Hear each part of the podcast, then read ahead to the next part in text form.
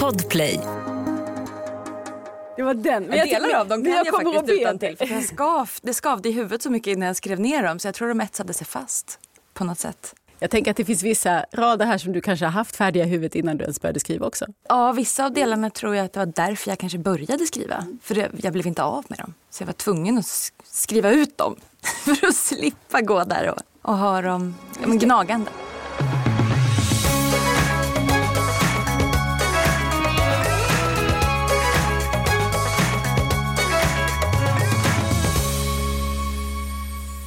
Dit du går följer jag. Det är titeln på en av höstens debutromaner och den sätter sig som en krok i köttet.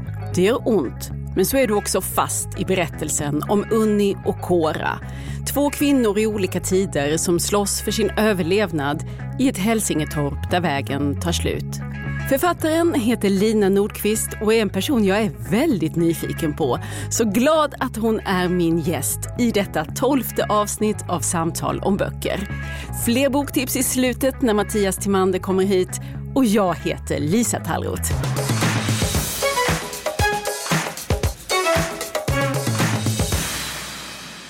Välkommen hit, Lina Nordqvist. Tack snälla. Här finns så mycket att prata om så jag vet knappt var jag ska börja. Du har alltså skrivit den här fantastiska romanen som jag låg vaken till tre på natten för att jag inte kunde släppa den. Oj, förlåt. Jag var bara tvungen att gå upp och hämta näsdukar. Till slut hela toarullen för den är, tar mycket känslor i anspråk om vi säger så. Och den ska vi förstås prata om men sen är ju inte du vilken 43-årig hälsingejänta som helst för du är ju också en av våra folkvalda. Du sitter i riksdagen för Uppsala län och du är sjukvårdspolitisk talesperson för Liberalerna. Det är där du har din politiska hemvist. Och dessutom har du ytterligare en karriär, eh, en yrkeskarriär som diabetesforskare och lärare vid Uppsala universitet. Men det är du ledig från nu va, när du sitter i riksdagen? Ja, precis. Man kan inte vara riksdagsledamot på halvtid eller lite grann utan det måste man göra helt och fullt. Mm. Men man hinner skriva en roman samtidigt? Nej, man hinner, man hinner skriva en roman Fakir i tidiga morgnar under ganska många år. Och sen glömma bort den däremellan eller ge upp och tänka att den blir aldrig färdig. Men sen, ja, för det mesta har faktiskt politiken bara satt käppar i hjulet när det gäller just skrivande. Därför att skriver gör nog många människor tror jag på kvällarna eller på helgerna. Och då är ju som folkvald ska vi ju träffa varandra och träffa människor då. Men eh, den här regeringsbildningen efter valet 18 som jag verkligen inte tyckte om. Just för romanen var den bra. Därför att då satt jag där i mitt lilla övernattningsrum utan tv, radio och inget internet. Och ingen familj. Så då blev den färdig oväntade konsekvenser av den där politiska röran. Ja, men få inga idéer nu. Jag vill, inte, jag vill inte ha den rundan igen, tack. Den här historien, Dit du går, följer jag. Den handlar då om Unni som vid sekelskiftet 1900 flyr från Norge där prästen vill bura in henne för Ja, du säger inte trolldom, men det är väl det han är ute och far efter gissar jag. Hon sysslar med alternativ medicin, kan vi säga. Läkekonst som man då, ja, som hon var rädd för helt enkelt. Ja, hon ingriper ju i sånt som prästen inte tycker att människor ska råda över. Och då tillsammans med sin man Armod, sin stora kärlek, här finns en passionshistoria, och den lille sonen Roar, så flyr hon och kommer till Hälsingland och där hittar de ett ödetorp där de då kan få bo mot tio års hårt dagsverke hos skogsbonden. Men sen är hälften av romanen Koras, som 70 år senare sitter i det här gamla torpets kök. Det doftar kokkaffe och stekos och grönsåpa. Och där sitter hon med sin svärmor Bricken och de planerar för Roars begravning. Det är så det börjar. Alltså eh, Roar som då en gång i tiden kom som liten pojke till det här torpet. Och här emellan svävar historien och hemligheter och en stor hemlighet, en twist som vi förstås inte kommer kunna prata om så mycket här Nej, det och låter vi bli tycker ja, jag. Men som kastar ett nytt ljus över romanen så småningom. Men du, hur uppstod den här berättelsen? Ja, helt ärligt så var det nog för att jag blev så himla rädd själv. Ehm, jag tror innan jag fick barn, då var jag på något sätt lite odödlig. Man kunde glömma cykelhjälmen, gå mot rött, eh, vara lite vårdslös. Ehm, men när mina barn föddes så blev på något sätt världen på samma gång väldigt mycket vackrare. Jag kunde börja gråta över höstlöv, det kan jag fortfarande göra. Det hade inte hänt innan de fanns. Men den blev också farligare. Och den här tanken, vad händer om, Vad händer med dem om något händer mig? Och vad ska jag göra om något hotar mina barn? Jag tror det var det som gnagde sig fast. Och jag tror att det var där jag till slut, jag var tvungen att börja skriva för jag kunde inte släppa det. Det gick inte. Så det var någon sorts eh, blandning tror jag mellan det här vackra i vackra i Hälsingeskogarna, vackra i världen vi lever men samtidigt väldigt, väldigt hotfulla i att livet är väldigt skört. Det kan vara över på ett kick. Men du har förlagt berättelsen till en annan tid. Det är kanske en evig skräck då, som, det, som du berättar om nu. Och den var ju väldigt påtaglig förstås, har varit tidigare i historien när man har levt mycket mer utsatt och det gör ju Unni. Varför har du valt de här tidsplanen? Vi rör oss ju dels i tidigt 1900-tal och sen då i 70-talet. Det är mellan de två tiderna vi rör oss och däremellan. Men det är ju inte nutid. Att det blev förra sekelskiftet, det tror jag var Framförallt tror jag för att berättelser som jag fick med mig när jag var liten. När jag till exempel satt, i, satt under salsbordet hemma hos min mormor och morfar och tjuvlyssnade. Satt där i kylan och hoppades att ingen skulle be mig gå därifrån för jag ville höra alla de här hemska historierna om hur det var förr. Många av de historierna utspelade sig ju eh, tidigt 1900-tal och jag har ju stulit som en korp det som blänker, det har jag liksom tagit med mig och mycket av det har ju landat i den här romanen även om det inte är sant något av det jag skriver. Så finns det ju små frön av saker som faktiskt hänt människor genom tiden. Ehm, men sen tror jag ju också precis som du säger att rädslorna är ju eviga. Men det var ju inte bättre förr. Eh, det är klart att i, i en grym dåtid, inget socialt skyddsnät, ingenting av det vi tar för givet idag, så blir det ju så avskalat hur utsatta vi faktiskt är. Vi blir ju så nakna och det gör väl också att det som är viktigt för oss kanske märks ännu tydligare. Men vill du att det ska vara en berättelse om hur det var. Jag tänker, jag tänker på min mormor som alltid brukar uttrycka sig så. Tänk hur det var, hur det var förr. Sen så blir det tre punkter som svävar i luften och så får man lite fylla i själv är det en berättelse om hur det var i fattig-Sverige? Ja, det blev ju en berättelse om hur det var eh, och, och, den tycker jag är viktig, så som romanen blev. Men jag tror ju samtidigt att det hade gått att skriva en berättelse om samma människor, samma kärlek, samma rädslor som hade kunnat utspela sig, inte vet jag, 2040 kanske. Mm. Men det är klart att i just den här romanen så blir det ju så otroligt brutalt just för att, för att det inte är i Sverige nu. Ja, här finns inga skyddsnät. Här finns inget rättsväsende, i alla fall inget som, som hjälper kvinnor som Unni. Berätta lite grann om henne. Vem är hon och hur ser hennes liv ut? Jag tänker mig att hon är en sån person som klarar det mesta och som hade kunnat ta sig vart som helst idag en person som verkligen gör allt för dem hon älskar. Men ja, världen är ju emot henne. Naturen är emot henne, samhället är emot henne. Hon är kvinna och hon är fattig och den kombinationen var ju inte bra. Så hon tvingas fly. Och det är ju så romanen börjar. Och sen så försöker hon bygga ett liv i ständig känsla av att vara eh, på flykt eller måste gömma sig eftersom hon är rädd att eh, den här historien från Norge ska komma ikapp henne. Kan du inte läsa en liten bit så vi får en känsla för både hur den här berättelsen låter och, och vem Unni är? Ja, vi ska se här. Så stod vi där igen med mössan i hand framför ett lomhört öde som inte hade tid för folk som vi. Ett hem är ett ständigt återkommande slamrande med redskap. När maten tar slut tystnar även föremålen. Ett hem är att se varandra i ögonen runt det köksbord som Armod byggt. Men, men inte runt ett tomt bord, det var aldrig menat så. Hungern rispade i oss. Fåglar på gärdsgårdarna, fåglar i snåren, fåglar som cirklade runt hustaken. Alla letade de efter något att äta, precis som vi. Detta att hela tiden ha något för händerna för att hålla tankarna i styr men samtidigt hela tiden spara energi. Jag plockade brunkantade syrenblommor från busken borta vid vedskjulet och fäste i Tone Amalias hår. Men det mättade henne inte. Ibland såg jag hur hon tog noss, de små lila blommorna och tuggade på dem. Stelnad åskvädersluft, som före ett ösregn.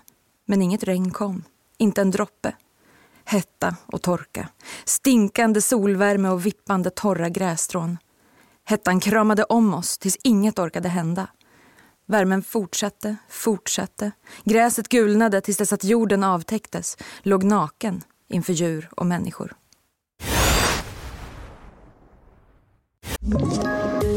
Poddtips från Podplay. I podden Något Kaiko garanterar östgötarna Brutti och jag, Davva, dig en stor dos skratt. Där följer jag pladask för köttätandet igen. Man är lite som en jävla vampyr. Man har fått lite blodsmak och då måste man ha mer. Udda spaningar, fängslande anekdoter och en och annan arg rant. Jag måste ha mitt kaffe på morgonen för annars är jag ingen trevlig människa. Då är du ingen trevlig människa, punkt. Något Kaiko, hör du på Podplay. Därför är gardinerna. Mycket handlar ju här om hur, ehm, hur naturens krafter på olika sätt gör det svårt för dem. Mycket handlar om ren överlevnad, att hitta mat. Och jag tänker du måste ha läst på väldigt mycket om vilka rötter och gräs och blad man kunde äta. För det är ju, det är ju så som Unni går tillväga. Hon är ju ute i skog och mark och försöker lösa detta. Hur hon ska kunna ge sina barn mat. Hur har du tagit dig an den biten? Någonstans i bakhuvudet hade jag nog ganska mycket kunskap kvar. Alltså min, eh, mitt egentliga jobb när jag inte har invånarnas förtroende tillfälligt i Sveriges riksdag, det är ju att vara eh, universitetslärare eh, om just hur kroppen fungerar. Och min bakgrund som apotekare, där ingår ju kurser både om kroppen men också om naturmediciner, om vad som fungerar, vad som inte fungerar, vad som användes förr och vad som kan användas nu. Så att, jag tror jag hade ganska mycket med mig. Men sen är det ju klart att mitt minne är verkligen inte det bästa. Jag var tvungen att stanna upp många gånger och tänka, minns jag rätt nu? Går den här örten att hjälpa någon med eller skada någon med? Och att det är här man hittar de mediciner man var tvungen att använda på den tiden. Och jag tänker också just svältens olika stadier, hungerns och svältens olika stadier beskriver du väldigt ingående. Ja, det gör ju ont på, på så många sätt. Samtidigt tänker jag att även om jag såklart i min, ja, min utbildning och mitt yrke vet mycket om vad svälten på pappret gör med oss människor så tror jag att det allra viktigaste det är ju det som kommer inifrån. Det går ju inte att läsa sig till tror jag. Där kan man nog bara försöka föreställa sig hur känns det att se någon man älskar ja, vara på väg att faktiskt svälta ihjäl. Och man kan inte göra något åt det. Den delen av svälten tror jag, den kan vi nog ingen av oss föreställa oss men samtidigt alla kanske faktiskt leva oss in i lika mycket oavsett vad vi har för bakgrundskunskaper. Hur har du gjort för att försöka komma åt det där? Vad har varit ditt sätt? Jag tror jag bara har försökt. jag har skrivit ibland, jag kommer ihåg fingrarna har halkat på tangentbordet för att jag själv började gråta.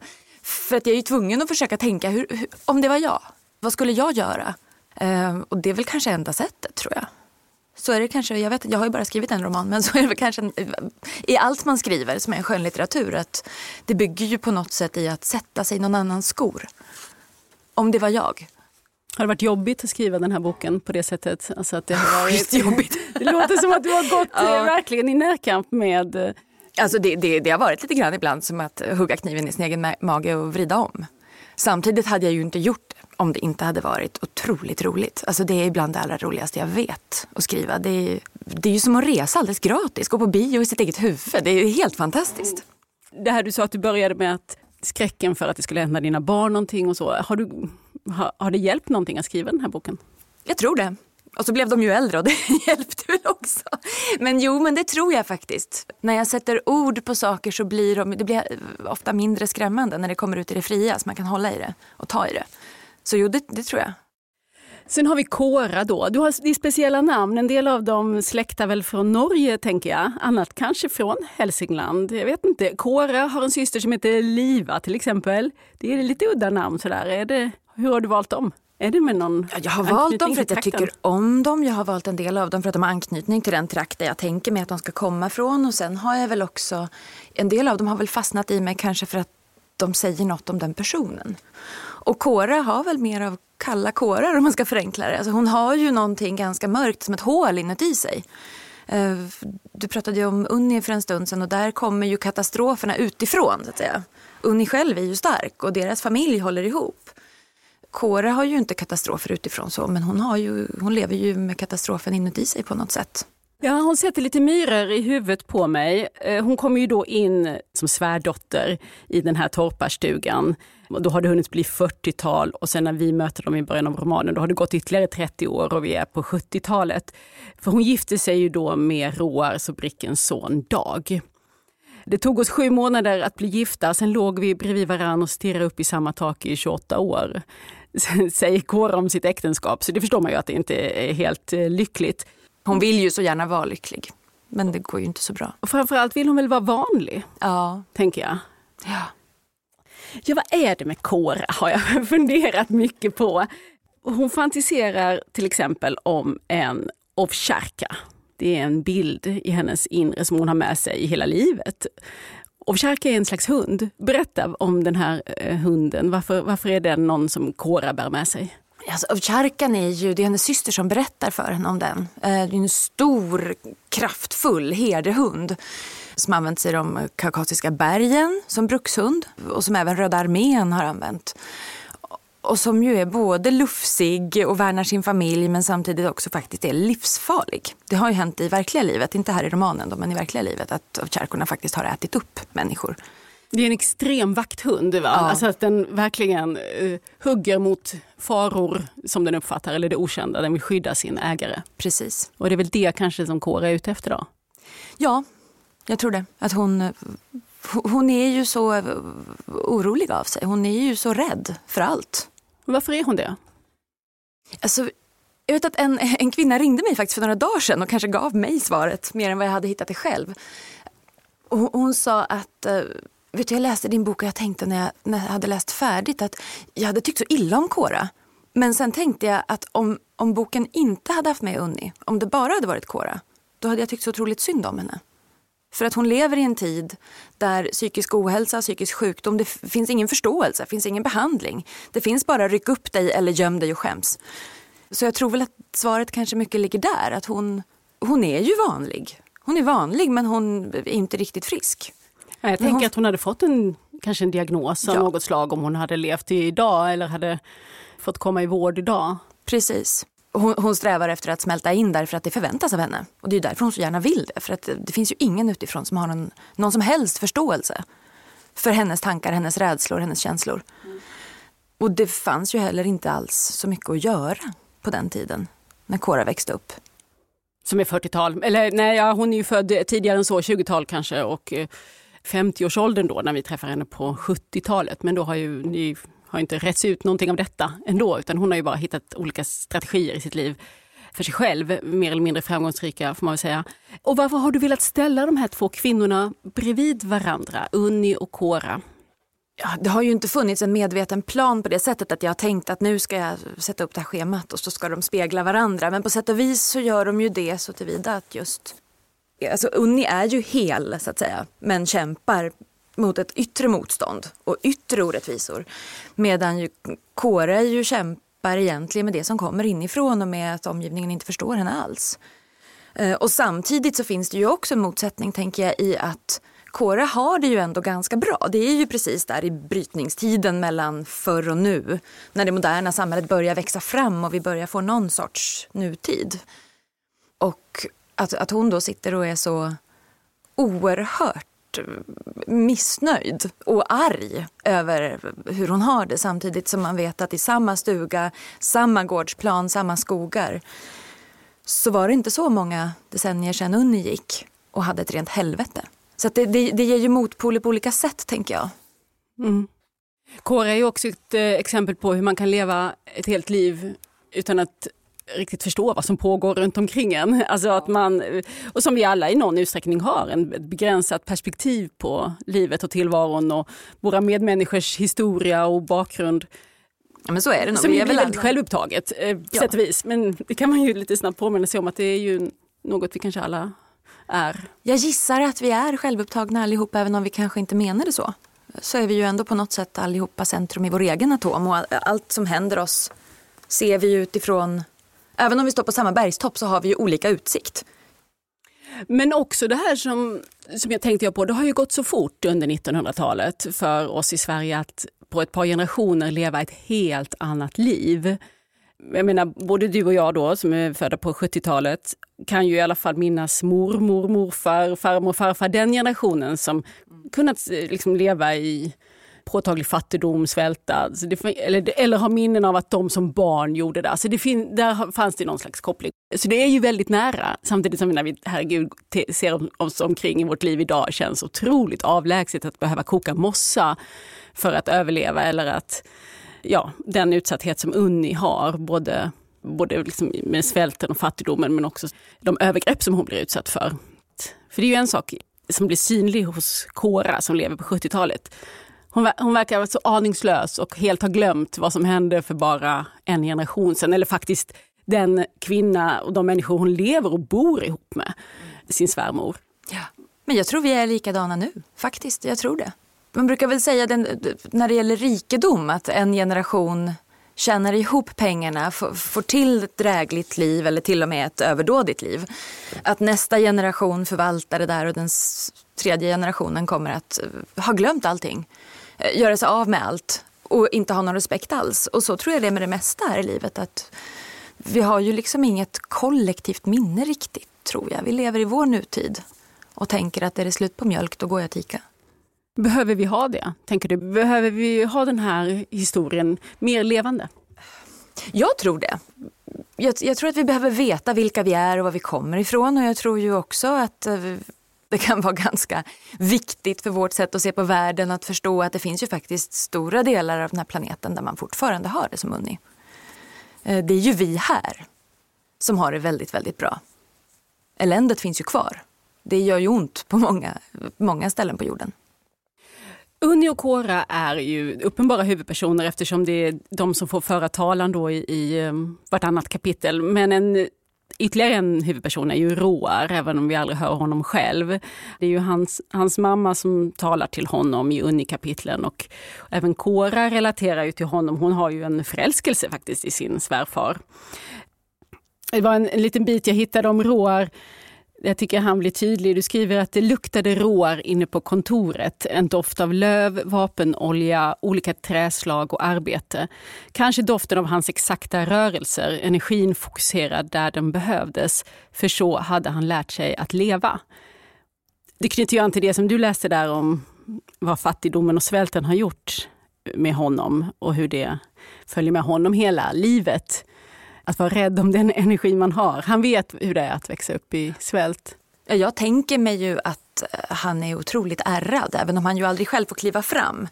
Han lever ju kvar hela sitt liv i den här stugan där allt han varit med om har hänt i stort sett. Men du, apropå det där med sitt, att känna sitt ursprung, för du är ju då uppväxt i Hälsingland. Mm. Du var inne på det att du suttit under bordet och hört historierna. Men hur har, din, eh, hur har din uppväxt och bakgrund i Hälsingland letat sig in i den här berättelsen? Ja, det första självklara är ju att den måste utspela sig där. Därför att det är ändå där jag har mina, mina rottrådar och det är den skogen jag känner bäst och det är, det är där jag är hemma på något sätt jag, jag, tycker det är den vackraste platsen på jorden. Och samtidigt så vet jag ju också från alla historier jag fått med mig att det är en brutal och skoningslös och ganska en hemsk plats om man, om man inte har det skydd vi har idag. Vad är det du tänker på då när du säger att det är en hemsk plats eller har varit? Ja, men det är just de här berättelserna om att eh, Ja, alltså 25 mil från Stockholm eh, var ju på den tiden, det hade lika gärna kunnat vara ett varv runt jorden. Eller rakt ut i rymden. Det var ju en plats helt skild från allting vad, vad ska jag säga, metropoler hette. Där det ju finns exempel också på att ja, Sveriges riksdag då fattade beslut och regeringar fattade beslut och hade väl ingen större förståelse för människorna ute i Sverige. Så den var ju avlägsen och fattig och väldigt utsatt. Och så otroligt vacker men samtidigt tror jag under tid, många tider bortglömd.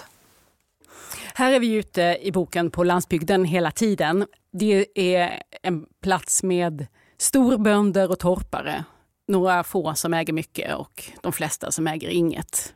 Är det din familjehistoria också? Vi har nog lite av, av alla de där tror jag. Eh, om man skulle följa ett släktträd bakåt. Och så är det nog för många. Det, det är ju inte en plats där det finns eh, adel eller storföretagare i någon högre grad. Men precis som du säger, storbönder och så hela vägen till de allra fattigaste backstursittarna som inte hade någonting och inte ens faktiskt ägde dörren de öppnade när de skulle stänga om sig. Men jag tror att det, jag tror att det är ganska vanligt för oss som är uppvuxna i Hälsingland. Att det är det som är bakgrunden. Det är så mycket, man inte, så mycket man vill prata om som man inte vågar avslöja här. För du är ju otrolig på att eh, lägga ut eh, små, man kan kalla det ledtrådar så småningom. Det uppfattar man inte när det händer, men små, små stenar längs med vägen som sen vad glad jag blir att du säger det, för jag ville lägga ett sånt här smulspår, Hans och Gretas smulspår. Ja, det har du gjort. Och det blir ju såklart ännu tydligare mot slutet av berättelsen. Då får man nästan börja om igen och läsa den en gång till med nya, då med nya glasögon. Ett poddtips från Podplay. I podden Något Kaiko garanterar östgötarna Brutti och jag, Davva, dig en stor dos skratt. Där följer jag pladask för köttätandet igen. Man är lite som en jävla vampyr. Man har fått lite blodsmak och då måste man ha mer. Udda spaningar, fängslande anekdoter och en och annan arg rant. Jag måste ha mitt kaffe på morgonen för annars är jag ingen trevlig människa. Då är du ingen trevlig människa, punkt. Något Kaiko, hör du på Podplay. Därför är gardinerna. Men du, jag skulle ju kunna försöka mig på att dra en linje från romanförfattaren till politikern Lina Oj. Nordqvist. Jag kanske ska låta dig göra det. Ska jag dra en linje? hur hänger det ihop det här i din, i din värld? Var finns beröringspunkterna mellan den berättelse... Du menar förutom att förtroendeuppdrag och forskning gör att man inte hinner skriva Nej, jag tänker, jag tänker mer så här. Jag tänker mer så här, beröringspunkterna mellan den berättelse som du och den värld som du har målat upp här för oss i romanen och, och det som jag också tänker måste vara dina liksom, orienteringspunkter i din politiska Jo men övertygelse. så är det ju. Alltså, det är väl klart att om jag börjar med mitt egentliga så att säga, yrke eller så, som universitetslärare och forskare så handlar ju det om att försöka hitta bättre behandlingar mot sjukdomar. Att förstå hur vi kan må bättre och hur vi kan hindra lidande. Och som universitetslärare var det ju just på sjuksköterskeutbildningen, apotekarutbildningen och annat som jag framförallt föreläste. Och det handlar ju också om att hjälpa. Så att eh, jag tror att det här med lidande och vilka vi är, vad som är viktigt för oss. Att försöka, kanske om det går, bidra till, med ett litet frö i alla fall för att göra någonting bättre. Det har väl följt med mig och det är ju kanske därför också som jag som jag sitter i just socialutskottet och att det är just socialpolitik, allt från hemlöshet till funktionsrätt till sjukvårdspolitik som är det som, som gör att det är väldigt, väldigt roligt att gå på morgonen. Och varför är du liberal? Jag tror att det är för att jag tänker att frihet är bland det absolut finaste jag vet. Och det är bland det viktigaste jag vet. Men samtidigt tänker jag att alla kan inte få den friheten bara för att vi öppnar dörren och säger var fri. Eh, utan det behövs ett skyddsnät. Alla kan, inte, alla kan inte själva ge sig möjligheter. Alla kan inte själva lära sig flyga. Det finns ett mantra, i, mantra, ska vi kalla det det? Nej, men det är i alla fall ett råd som Unni, var får hon det ifrån? Hon ger det vidare till Roar i alla fall. Var inte till lags, gör inte allt som människor vill eller säger åt dig. Äg ditt liv. Vilket är väldigt svårt att klara, av, särskilt för eh, människor som Unni och även Roar. Vad betyder det för dig, det rådet? Äg ditt liv. Det betyder väldigt mycket faktiskt. Eh, jag hade inte tänkt på att det kanske var därför det kom ner i texten bland sidorna där. Men det betyder jättemycket. Eh, jag tänker, om vi alla kan äga våra liv eh, och får det så tror jag ju att vi har större chans att vara lyckliga men också en mycket större chans att hjälpa varandra. Att äga sitt liv betyder ju inte att man ska strunta i andra människor. Såklart. Det betyder ju att, för mig i alla fall, att vi ska kunna bli vårt bästa jag. Att vi ska kunna göra gott tillsammans. Och jag tror ju om man tänker sig i den här romanen och bakåt i tiden så, och även som sagt runt om i samhället idag, både i Sverige och i andra länder, så tycker jag att jag ser på alldeles för många ställen att så många människor med så mycket att ge får liksom inte chansen. Och jag tror att det förstör för oss allihopa. För det är ju där i någon slags i avvägningen som, eh, som man får läsa det här då. Både Unni och, och Kora är ju, Kora kanske har ju mycket större makt att bestämma över sitt liv men hon skulle ju behöva hjälp av ett, eh, av ett kollektiv, av ett samhälle, av en välfärdsstat. Och det, Verkligen. och det skulle ju även såklart Unni, då finns den knappt alls, nå- välfärdsstaten, när hon lever. Det där med att äga sitt liv om man är en eh, svårt utsatt person som till exempel Kora, man li- lider av en sjukdom som jag tror att hon gör. Vi tror båda två va, att hon gör Ja, ja. det. Mm. Vad betyder det då?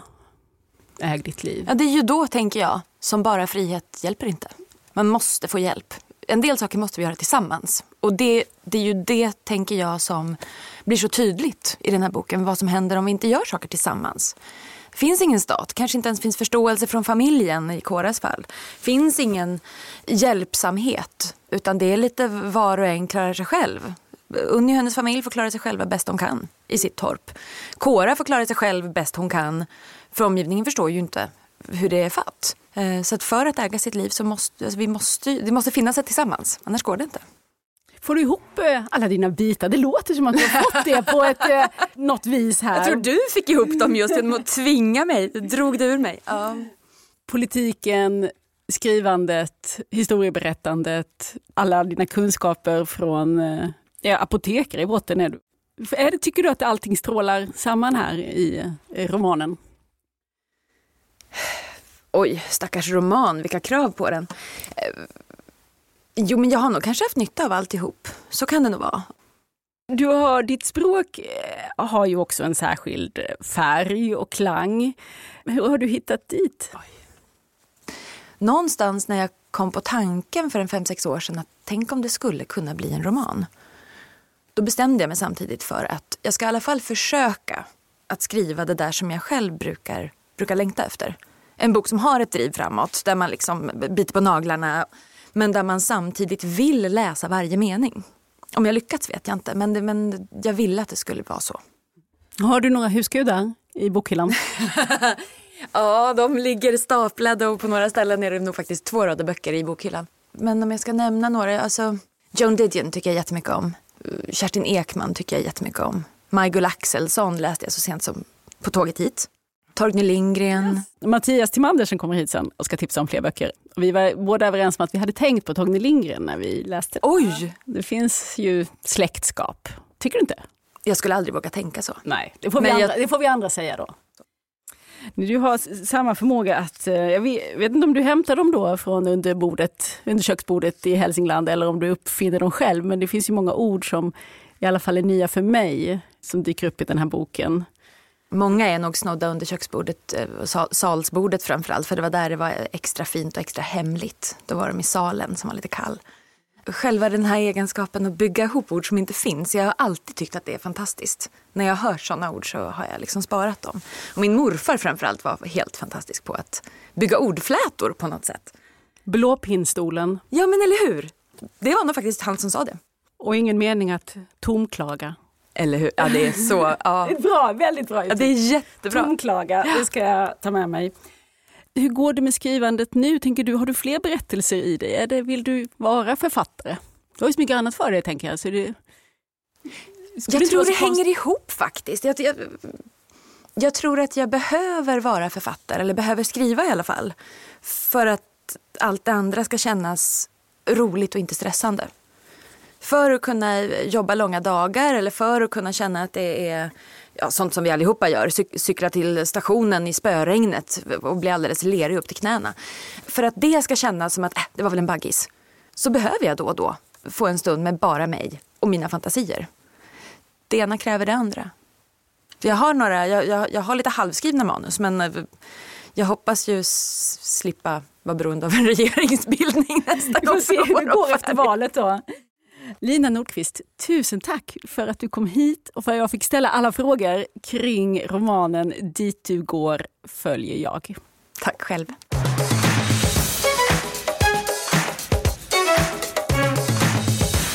Fler boktips är utlovade i detta program och därför har du kommit hit, Mattias Timander, redaktör på Selma Stories. Du tänkte att du skulle anknyta lite grann till eh, Lina Nordqvist och Dit du går följer jag som vi har pratat om precis. Ja, jag tyckte väldigt mycket om den boken och jag gillar ju att grotta ner mig i den här sortens eländig litteratur, eh, misärlitteratur. Den första jag tänker på då det är faktiskt Magnus Westerbros nya bok, Tyrannens tid. Det här är en, en eh, sak, det är sakprosa, så det är inte en roman. Och det, det, han gör så bra tycker jag är att det är ju det här som kallas för mikrohistoria, så att han utgår från vanliga människors öden det blir så berörande. Magnus Westerbro tilldelas ju Augustpriset i fackkategorin för sin bok Svälten och den här boken är faktiskt också nominerad till årets pris. Och Tyrannens tid, vad är det då vi får? Då är det tidigt 1700-tal och det är Karl XII. Men det här är inte en biografi om Karl XII, så gillar man inte gamla kungar så har man väldigt stor behållning av den här boken ändå. Den utgår ifrån en väldigt, väldigt svår apokalyptisk tid i Sveriges historia. Som, det känns som att det är liksom allt elände på en och samma gång som drabbar landet. Men min nästa bok som jag tänkte tipsa om är faktiskt Marie Lok Björks Att välja ett liv. Hon är romandebutant. Det är en bok om en kvinna, Ottilia, för exakt 100 år sedan. Hon tvingas se sitt liv så som hon är van vid det långsamt försvinna. Hon fyller 21 och blir myndig och i och med den dagen så tänker hon att hon ska möta vuxenvärlden med att faktiskt vara ärlig om vem hon älskar. Hon har förälskat sig i en man som inte anses vara nog fin för henne. Så att hon nekas sin hemgift. Hon, eh, senare i romanen finner vi henne som dessutom ensamstående, statarkvinna, fattig som en lus och med två små barn.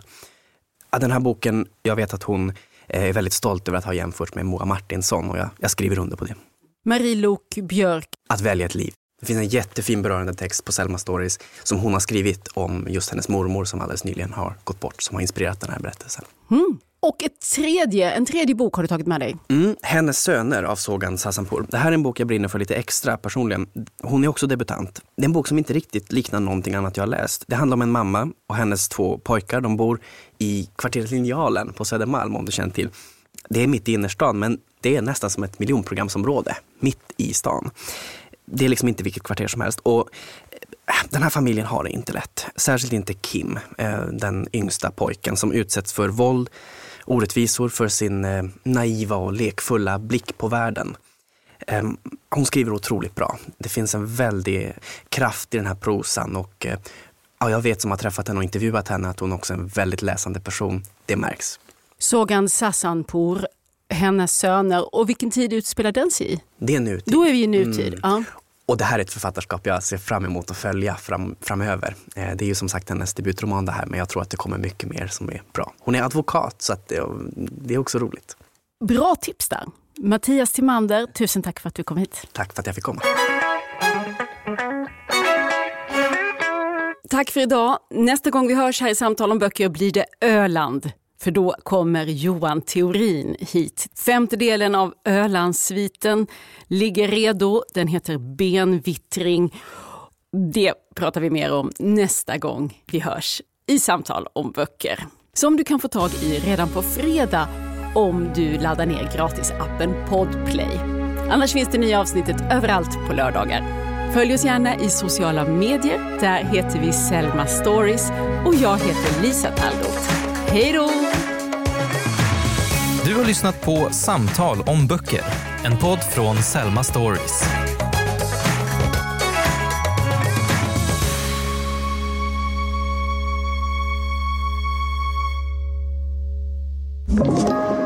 Podplay.